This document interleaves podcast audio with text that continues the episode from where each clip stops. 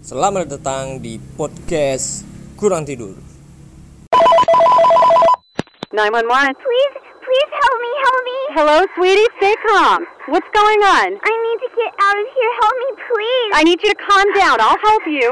Please help Calm me. down, okay? He's getting close. He's coming. He's coming. Shelly, are you listening? Shelly, I can't hear you. Shelly!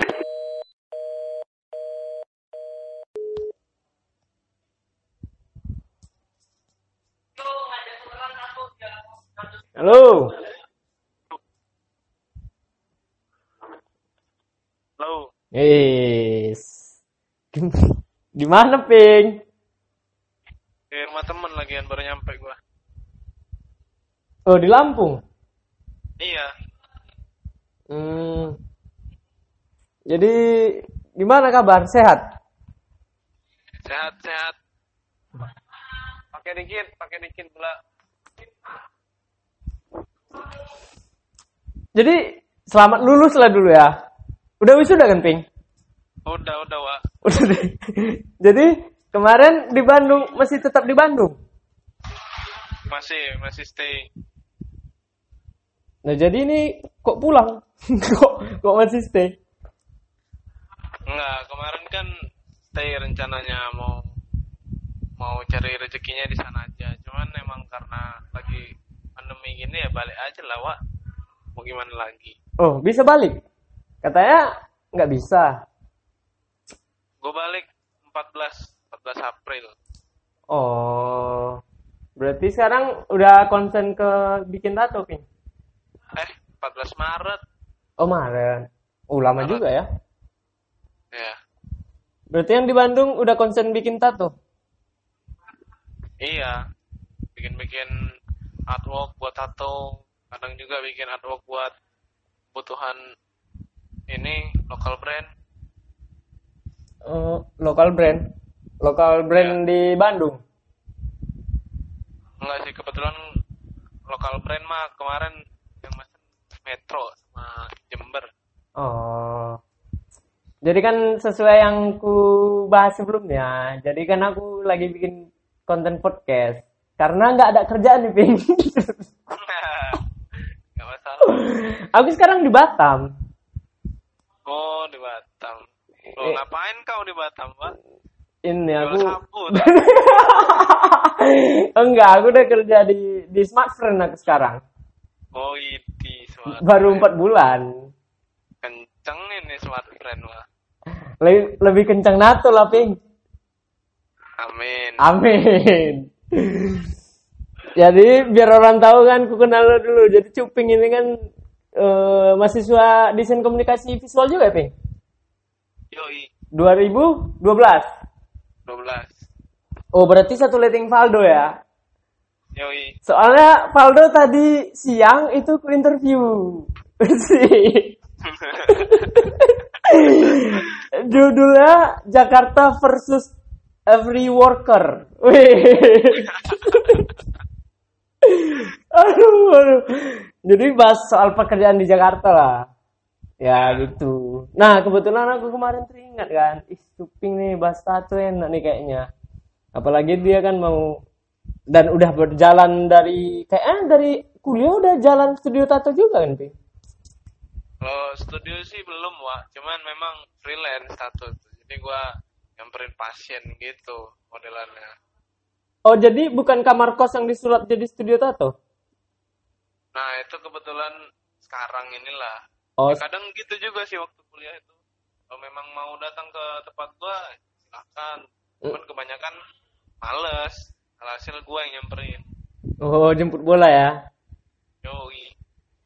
Dulu kan ingat aku yang anak si siang nato juga Icam ya. Icam juga buka studio tato di kos-kosan kan?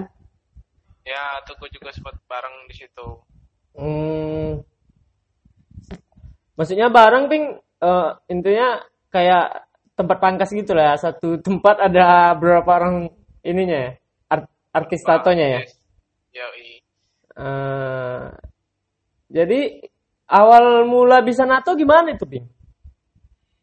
Awalnya ya karena lingkungan sih mungkin lingkungan di kampus juga suka tato Oh iya ya. tato juga dari situ mulai-mulai ini aja belajar-belajar jiplak jiplak gambar sebenarnya Nah, objek pertamamu siapa? Soalnya kan ini kulit kan medianya. Jadi kan rada serem nih apalagi orang baru belajar. objek pertamanya nih kulit cinte sama kulitku sendiri di kaki Bisa ya ngegambar sendiri ya walaupun sakit ya. Di kaki sendiri pula tuh. lumayan itu pecah otaknya Jadi kalau aku kan kurang-kurang tahu nih soal tato. Jadi sebenarnya tato ini budaya ya, Ping. Yang setahu aku ya, yang setahu aku budaya kayak di daerah aku kan Mentawai itu kan punya budaya tato juga masyarakat Mentawainya. Jadi kalau sejarah tatonya sendiri itu gimana? Kalau untuk di Indonesia lah. kalau di Indonesia waduh gua kurang kompatibel sih ngomongin sejarahnya itu Kenapa? ya soalnya gimana ya memang di Indonesia yang gue tahu juga eh, dua suku sih cuma Mentawai tapi Borneo juga ada tato ya Oh ya, Borneo juga ada ya. Hanya dua, berarti dua suku ya? iya Berarti sebenarnya kalau sejarah tertuanya udah nggak jelas lagi dari mana? ya sama aja kayak lu nyari sejarah pertamanya api ditemukan tuh kayak apa sebenarnya ya itu kan iseng, ping kan karena dingin manusia purba, makanya ngelaga batu. nah, tapi kalau ta ah. sih yang gue tahu dari dokumenternya si Durga Tato tuh bisa diperkirakan tatonya Mentawa yang tertua itu di dunia, iya malah bukan Mesir gitu iya sih. Di ini juga ada ya, Samoa itu loh. Kan ada tuh Samoa, Samoa, juga ada Samoa. Nah, jadi kan jadi udah ya ibaratnya sejarah tato dengan ini kan ibaratnya itu kan budaya lah. Nah, untuk yang sekarang ini kan orang NATO ini kan nggak sama kayak dulu. Kalau dulu kan itu kalau nggak salah. Jadi bapakku juga bertato si Omberto. Jadi dia cerita dulu aku NATO tuh sakit katanya. Pakai itu tinta rotring ya, kayak tinta Cina gitu kan. Terus pakai dinamo Tamiya. Jadi kalau cuma bikin satu gambar itu itu butuh seharian lebih katanya, bahkan dua hari katanya gitu. Nah kalau zaman sekarang kan alat makin canggih kan. yoi Nah dan dulu kayaknya lebih apa ya? ng- nggak barbar sih, nggak ada SOP-nya. Kalau yang sekarang ini gimana, Ping? Karena kan ibaratnya ini udah jadi pekerjaan tetap sebagian orang, apalagi di Bali kan, yang lebih banyak tuh studio tato di mana-mana. Maksudnya ada SOP-nya sendiri nggak ketika kita bikin tato sama orang lain gitu, ke customer kita gitu. Se- mungkin gua bagi jadi dua kali ya Mega Hmm, Ta- tato yang ke arah eh, budaya itu kan lebih ke religi yang kayak di Mentawai tadi itu. Iya, atau di Kalimantan. Iya. lebih ke religi lebih ke status sosial. Nah untuk kalau yang satu lagi ini nih tato dari sudut pandang industri. Oh, iya iya iya iya iya. Dan memang kalau untuk sudut pandang industri selayaknya kita mau produksi makanan juga sih kan ada aja sih SOP-nya mau bikin Eh, eh, eh. rendang kita angetin dulu nih rebus dulu dagingnya gitu-gitu Iya iya. Eh, jadi kalau di SOP tatonya yang kau pribadi lah yang ngejalanin apa apa aja kira-kira? kalau dari jasa gue sih gue usahain tempat yang gue kerjain itu tuh tetap bersih Hmm. tetap bersih gue biasanya untuk tempat kayak kasurnya atau armrestnya itu gue kasih plastik wrap selalu diganti Hmm. sekali pakai sekali pakai buang gitu ya Iya iya iya. terus untuk beberapa alat tato yang dibutuhkan kayak misalkan green shop untuk sabunnya atau botol tintanya Mm-mm. itu tuh biasanya go wrap juga pakai plastik Iya jadi iya. ketika, ketika langsung lagi NATO nih Ya. kali aja ada yang muncrat kan gitu. mintanya itu Oh. benda-benda tersebut itu masih aman gitu loh masih bersih soalnya kan beres gua Mhm. NATO juga plastiknya gua buang langsung gitu gua buka lagi Iya iya iya iya. dan diusahakan memang eh, dari awal deh dari awal appointment tuh Ya. gua gua selalu nyaranin pasien-pasien gua untuk tetap jaga kesehatan tidak Heeh. dalam kondisi sakit atau pengaruh obat-obatan atau Heeh. pengaruh alkohol itu biasanya gue tunda dulu.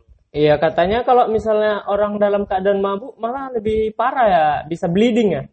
Pendarahan kan? Iya, ya, soalnya kan biasanya kalau lo minum atau lo lagi kena obat, eh, jantung pompanya lebih cepat kan. Iya iya iya iya. Nah, Iya sih. Peredaran peredaran darahnya juga lebih cepat. Kalau kena mushroom ping sama aja. Gue juga bingung sih kadang di beberapa orang eh, terjadinya bleeding parah, tapi di beberapa orang nggak bleeding gitu. iya Tapi iya. kan ada ada baiknya gitu loh. Kalau misalkan lo tuh sadar aja gitu loh, sehat, sadar. Iya. Oke lah misalkan lo nge-mushroom, tapi lo nggak bleeding nih. Mm-mm. Tapi lo kesugesnya sakit parah, kan kerok juga sih. Oh iya juga ya. Eh, nah, eh ini di zaman Orde Baru tuh, dulu kan kalau orang NATO itu kan ibaratnya diincer sama Petrus, ya kan, tahun-tahun 98 tuh. Nah, ya, Nah, di ibaratnya stigmanya langsung orang bertato ini kriminal. ya. Nah, setelah Orde Baru jatuh, justru tato ini lebih dianggap kayak ini, apa? Kayak eh apa ya? Kayak ya, kayak fashion lah bisa dibilang. Nah, kalau dulu pun orang nato yang setahu aku ya, dan aku juga ada sih nonton si ini Gofar ngomong. Kalau dulu itu kan orang nato dari bagian tertutup ke area yang terbuka, misalnya ke tangan, ke kaki gitu kan. ya. Nah, kadang kan sebagian orang itu kan ping kak yang baru nato ini kan kadang ada yang nge-pride pride-nya kegedean kadang. Wis, gue tato nih. Terus nanti misalnya dibilang kau kan tatoan, nanti nggak bisa ini. Terus nanti debat-debat debat nggak guna, debat kusir gitu kan. Nah, ada nggak memang yang ya selama kau nato ping customer yang model-model begini lah ibaratnya kadang kan bisa dibilang mereka tato cuma kebutuhan konten. Entah itu tato ya kan biar bisa jadi model di Instagram model baju kan banyak ping jadi selama kau nato ada nggak memang yang model-model begitu tuh memang pasti ada ya biasanya kan? Ya namanya sikap sifat orang kali ya. Eh, ada aja sih karena itu tadi kan ketika eh, tato ini jadi kebutuhan layaknya fashion layaknya pakaian jadi itu Hmm. ada sudut pandang beberapa orang yang memang eh, jadi kebutuhan untuk entertain ya contohnya kayak gitu orang-orang yang misalkan jadi influencer di Instagram ya atau di YouTube kayak gitu. jadi mereka sudut pandangnya lebih ke sana sudah Leb- bukan hmm. lagi yang emang buat nakut-nakuti orang gitu-gitu udah jarang banget sih udah ketemunya jarang iya bukan oh nggak ada ya masih ada cuman jarang Iya. hitung jari lah itu Iya hitung jari sih ya kalau yang model kayak gitu. Hmm. Nah, eh sekarang penyuka tato makin ya ibaratnya setelah orde baru itu makin kemari makin banyak kan, Pin? mungkin banyak Makin jangan makin banyak apa dikarenakan proses bikin tato itu sendiri udah dipermudah. Kayak contoh kan kayak bisa dibilang kan dulu kalau mau detail pakai yang sekarang ya mau detail pakai satu jarum nih. Kalau ketika mau mewarnai kita bisa pakai yang lima jarum bisa dibilang gitu kan. Apa karena memang alat sudah canggih kah orang-orang interest untuk bikin tato atau gimana sih biasanya? ya karena didukung faktor itu juga sih Meng.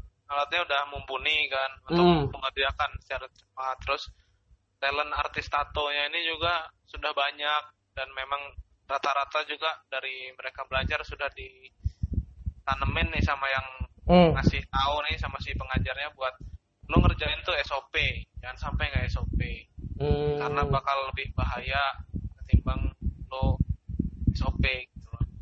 Iya iya iya iya. Ya berarti untuk kau sendiri juga ada pelajarin SOP-nya itu? Apa tahu maksudnya setelah ketemu artis satu lain, oh ternyata bikin tato itu ada SOP-nya loh begini-begini. Itu tahu sendiri atau memang dikasih tahu untuk begitu apa gimana sih? awalnya sih gua nggak paham ada yang seperti itu cuman pas gua lagi mau kan gua awalnya nato sendiri tuh di kaki Hmm. nyobain Hmm. Uh, kasih tahu ke teman gue yang emang selaku artis tato Ya. gua sharing nih Hmm. situlah dia coba buat jelas SOP coba buat kasih tahu SOP-nya gimana sih harusnya waktu awal nato segala Ya. macam dari situlah gua tahu oh ternyata nato ini nggak sembarangan gitu Hmm, ya namanya ibaratnya gimana ya, itu kan karena ya semi operasi sih bisa dibilang kan. Soalnya kan ke kulit terus bisa ngaruh ke kesehatan juga nggak ping? Ada nggak Ya, nah oh itu apa pengaruh dari tinta tatonya? Ada yang nggak cocok nih ke kulit si ini? Bisa nggak hasilnya bakal jadi berantakan? Bisa. Pernah? Banyak teman gua ada ada teman gua yang kayak gitu. Jadi bentuknya jadi kayak keloid gitu ya di tangan ya? Nggak nggak. Gimana sih hasilnya? Kalau yang berantakan gitu aku belum pernah lihat. Eh, beberapa kasus ada yang keloid Ah, itu mungkin lebih ke teknisnya ya waktu ngerjainnya eh, mungkin kedalaman jarumnya atau iya. eh, setelah tato itu nggak dirawat tatonya Nah, oh hasil jadi keloid ngerawat, ngerawat dalam artian gimana nih ngerawat maksudnya? ngerawat eh, kan lu masukin tinta tapi kurang lebih caranya dengan cara melukai sih Oh, berarti kan kurang lebih kayak koreng sih itu iya iya iya iya iya iya. nah Iya. koreng kalau kesenggol lagi makin dalam Oh, jadi keloid ya kan? oh iya iya iya, iya sih. sama halnya ketika teknis pengerjaan tato jarumnya kedalaman nih Hmm, nah itu juga eh, kemungkinannya 50-50 tuh buat jadi keloid. Nah, tapi gimana gimana juga? Mm gimana perawatan si yang punya badan sih? Soalnya memang ketika customer cabut dari studi tato mm. yang gua tahu tuh itu udah tanggung jawab si yang punya badan tuh. Oh, tanggung jawab si klien buat jaga itu. Iya iya iya. Berarti nggak ada urusan sama si tato artis lagi ya? ya si artis tato tuh urusannya tuh eh, menyarankan baiknya gimana perawatannya nah gitu gitu tanggung jawabnya lebih ke sana Hmm, iya iya iya iya. Jadi kan oh ini apa? Kalau untuk artis tato kayak kayakmu ini, kok butuh modal yang besar nggak? Misalnya kayak mau buka bangun usaha kan pasti kita butuh. Kita nggak usah bicara tempat, kita butuhnya alatnya berapa, tintanya berapa, dapat tintanya dari mana, itu gimana biasanya? Kan nggak semua juga kan menjual dijual mudah gitu kan? Iya sih, cuman kalau di pengalaman gua cari equip tato termasuknya mudah sudah karena didukung sosial media, didukung eh, organisasi tato di setiap daerah di Indonesia ini kan. Jadi kita Hmm. saling sharing gitu. Nah, untuk har- harganya, harga ini, harga sebu satu tato gimana, Ping? Nentuinnya apa setiap toko itu berbeda-beda? Maksudnya si tato artis ini ngasih harga sekian, si ini ngasih harga sekian, atau udah ada nih patokan harga-harganya, bakal dikasih berapa nih ke customer? Nah, yang gua tahu sih yang terjadi di lapangan ya. Nah, Oh enggak, gua bilang teorinya dulu aja deh. Hmm. Teorinya sih pengennya semua tuh sama. Iya iya iya iya. tapi fakta di lapangan itu oh ternyata berbeda setelah gua ikut organisasi juga Hmm, oh ternyata beda antara artis A sama artis B itu beda harganya karena iya. mungkin kenyamanannya servisnya atau eh, pengalamannya malah Hmm, iya iya iya iya. Eh, dan itu tolak ukurnya pun gue masih bingung antara banyak artis tato di Indonesia ini tolak Mm-mm. ukurnya adalah yang pakai timing adalah yang dari persenti hmm, ada juga loh temen gue yang sempat uh, dari ukuran satu cup tintanya jadi ngukurnya tintanya bukan sentinya Nah, kalau untukmu pribadi ngukur gimana? Senti. senti Oh, jadi satu sentinya berapa gitu? Gitu ya? Iya. Nah, biasanya berapa ping kalau harga di kau berapa? Kau taruh ke orang-orang? biasanya itu satu sentimeter persegi itu gua ada di harga dua puluh lima ribu Oh, berarti, Tapi kan- ah? kategori ini kategori warna black gray nggak color yang lain gitu karena gue emang fokus di situ Oh, berarti kau cuma black gray, berarti nggak ada warna lain gitu ya, pink? ya Oh, berarti ibaratnya nih, aku inget nih, dulu pernah ada Instagram yang kau kasih tahu sama aku, Kamil Mokot. yes Nah, itu kan dia keren tuh gambar-gambarnya. Aku suka, ya. Jadi kalau pri- kalau setiap artis satu ini punya ciri khas gambar nggak sih? Misalnya ada nih yang ahlinya di bidang gambarnya old school doang. Oh ini realis, oh ini yang lebih begini. Dan Kamil Mokot kan beda sendiri tuh model gambarnya. Apa memang begitu ya di lapangan? Eh, di lapangan sih ada yang seperti itu tapi ada juga yang pengen semuanya bisa Hmm, itu juga banyak faktornya kenapa kok mereka ngejar semuanya bisa biasanya kenapa? ya balik lagi ekonomi lah klasik Iya iya iya iya. Ya udah ini aku nanya ini penutup lah. Bisa dibilang penutup ini. Sebe- nah, untuk kehidupan yang sekarang lah, Ping. Ibaratnya setelah lulus dengan dan gue mutusin jadi artis tato. Ini artis tato kau mau bertahan di sini atau hanya karena memang ini yang ada di depan mata kepalamu sekarang? gua belum bisa pastiin ya gua sampai tua bakal nato apa gimana. Cuman saat ini di depan mata gua gua bisa nato dan itu bisa gua barengin dengan misalkan kayak jualan apa ya jualan produk nih produk temen gua jual lagi jadi reseller. Oh, tetap gue lakukan hal-hal yang kayak gitu juga. Jadi nggak fokus di tato aja. Desain pun gue masih nerima desain dan lain-lain. Eh, kebetulan nih kan Hmm. eh, puasa nih ya. gue balik Lampung nih jualan kok gue jualan makanan ringan takjil gitu-gitu Is, ngeri juga gue ya, Ping, ah. Berkecimpung di semua lini ya. enggak gue mah di mana ada celah gue hajar Oke oke. Nah untuk kehidupan artis tato yang sekarang ini udah bisa gimana ping? Udah bisa dikatakan enak kah? Maksudnya udah berimbang belum sama yang dapat di teman-teman kita atau aku pribadi lah nih yang kerja di kantoran? hmm, bingung gue nih compare soalnya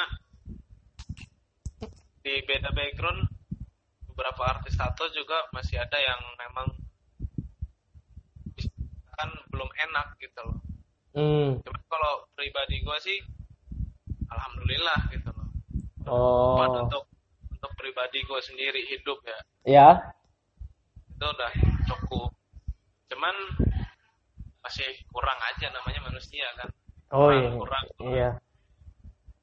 Iya sih. Beda background, beda background itu ngaruh sih. Apa? Karena juga kan lingkungan juga sih. Lingkungan juga ya. Ya mungkin beruntungnya gue ada di lingkungan kampus yang memang gue berangkat dari belajar gambar, belajar desain, Ya. kita nggak pernah tahu nih yang awal berangkatnya ini memang dari kriminal atau gimana Iya iya iya. iya. Nah kalau ini sih apa ya? Kalau aku pribadi sih ya, karena nengok apa namanya perkembangan tato zaman sekarang, ya aku kira ini loh maksudnya kayaknya orang NATO ini kehidupannya mungkin udah apa yang didapat dia udah mungkin udah seimbang nih sama orang di kantoran. Anggaplah kategori paling kecil aja UMK-nya Jakarta. Mungkin orang itu udah bisa dapat setara itu. Gitu sih aku mikirnya. Tapi ya setelah aku kasih tahu ini ya mungkin beda-beda kali ya. Itulah yang kayak aku bilang tadi beda-beda karena kalau berada di lingkungan kampus gitu ya. ya bisa dibilang gitu Hmm, dan kalau memang eh, misalkan nih gue compare sama temen gue yang ada di Bali nih. Ya. gue compare sama temen gue yang memang kerja di kantor. Hmm, itu seimbang. Karena memang tempatnya itu industri tato di situ. Ya. jadi memang perputarannya emang juga cepat di sana terus buat salary juga oke lah di sana. Ketimbang yang kita nggak ada di tempat industri tersebut terus kita mencoba bertahan gitu itu lumayan sih apalagi kalau misalkan gua balik ke metro nih Ya. gua coba tato nih di metro itu lumayan berat menurut gua Oh, untuk disamakan nih harganya oh gitu. Tapi di di daerah Lampung sendiri di daerah tempat tinggalmu di metro kan itu gimana? Anak-anaknya interest ke tato kah? Maksudnya ya teman-teman lah, anak-anak di tongkrongan kah? Apa gimana? Atau lebih memang lebih pasarnya lebih kayak di Bandung? Maksudnya lebih karena di Bandung kan anak kuliah rata-rata ada di mana-mana gitu. Orang penyuka seninya juga banyak gitu. Apa gimana? interest ada cuman masih seputaran lingkaran lingkaran gue juga Ah, memang lebih ke mungkin pengusaha entertainer mm-mm. soalnya di metro nih gimana ya lingkupnya bisa dibilang kecil gitu kota kecil gimana sudut pandangan ya kebanyakan nih sorry nih gue ngomongnya begini cuman memang Iya, gua faktanya gitu iya. Eh, lo Hah? punya profesi tapi nggak berseragam itu lu nggak akan dilirik sih kayaknya graduation. Oh. Oh iya iya iya iya iya. Ada memang sebagian daerah yang kayak gitu, Ping. Termasuk di daerah kampung aku juga masih kayak gitu. Ibaratnya kalau dia kalau bukannya kerja pakai seragam itu kayak ah, nggak keren gitu kan. Maksudnya gimana ya? Ibaratnya kalau kita datangi mamanya ke orang tuanya, ludahnya nyampe duluan baru kita di pintu. Belum lagi disuruh masuk. Ludahnya udah sampai muka kita, Ping. Iya iya iya, aku ngerti sih. Nah kan kalau yang kayak gitu nggak kau takutkan Ping ke, ke depannya, karena perawaanmu kan udah seram nih, udah tato artis, nggak mikirin kali apa ke arah sana. Eh nanti aku kalau nanti kalau misal begini gimana ya ketemu orang yang begini gimana ya? Atau seandainya nanti menikah nih eh, mertuanya ternyata begini-begini. Nah, gimana? Gua belum sempat sih kepikiran ke sana cuman Hmm. buat gua balik lagi ke diri masing-masing kalau emang niatnya lu tatoan buat urak-urakan orang bakal menilai seperti itu dan gua juga uh, Hmm. belajar memposisikan diri gitu loh untuk berhadapan sama orang kalau memang gua ketemunya sama anak-anak nongkrong ya gua bakal santai kayak layak anak Iya. ketemu teman-teman gua nih misalkan temen SMP yang pejabat atau gimana ya Ya. gua jaga juga itu Oh. gitu-gitu Iya iya iya iya iya. Iya sih, memang ya gimana ya kalau dibilang lagi soal masyarakat kita memang stigma tato itu udah jelek kan. Gimana? ya? Ya namanya pemikiran orang nggak bisa dirubah kali ya. Ya bakal kayak gitu. Ya cuma kita ya orang kan memang kebanyakan ngejudge duluan kan. Ya bukan kita merasa lebih baik, tapi memang mereka lebih buruk sebenarnya. ya udah, Ping. Halo? Halo. Nah, Ping. Kayak udah sih. Cukup sih pertanyaan aku soal seputar dunia tato yang ya zaman Orde Baru sampai ke zaman sekarang. Ya kalau memang sih seram sih punya tato di Orde Baru sih seram. Oh, Bapak aku juga bilang ya ya untungnya sih udah rezimnya udah gak ada jadi sekarang orang kan udah bebas lah cuma ya itu tadi sih masalah stigma orang-orang aja terhadap kita Kayak Kayak- gue sih yang penting eh, gimana lu bertindak aja itu ntar Mm-mm. bawa kok dampak lingkungannya itu. Iya iya iya. Kayaknya cukup lah sekian podcast aku sama wah ya, nanti mana tahu ada bahasan lain. Butuh narasumber hubungi. ini mudah-mudahan omongan kita nih ping berguna buat yang mau NATO. Nah, aku baru ingat nih kalau NATO itu juga nggak kalau bisa jangan ditulis di eh dibikin nama itu kayak nama pacar kan atau nama istri. Hmm, katanya nanti bisa nyesal. Bener nggak sih itu iya iya banyak banyak yang nyesel jangan sekali-kali coba hal itu. tapi nama orang tua anak boleh ya Iya. saudara uh-uh. Gak ada yang namanya mantan orang tua atau mantan anak itu. Hmm. Gak ada. Mantan istri, mantan pacar itu ada.